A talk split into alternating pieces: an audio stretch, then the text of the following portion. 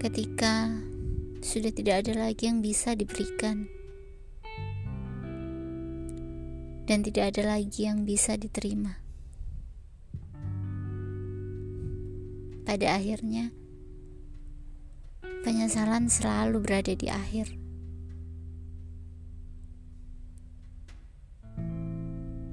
Hanya bisa berandai-andai.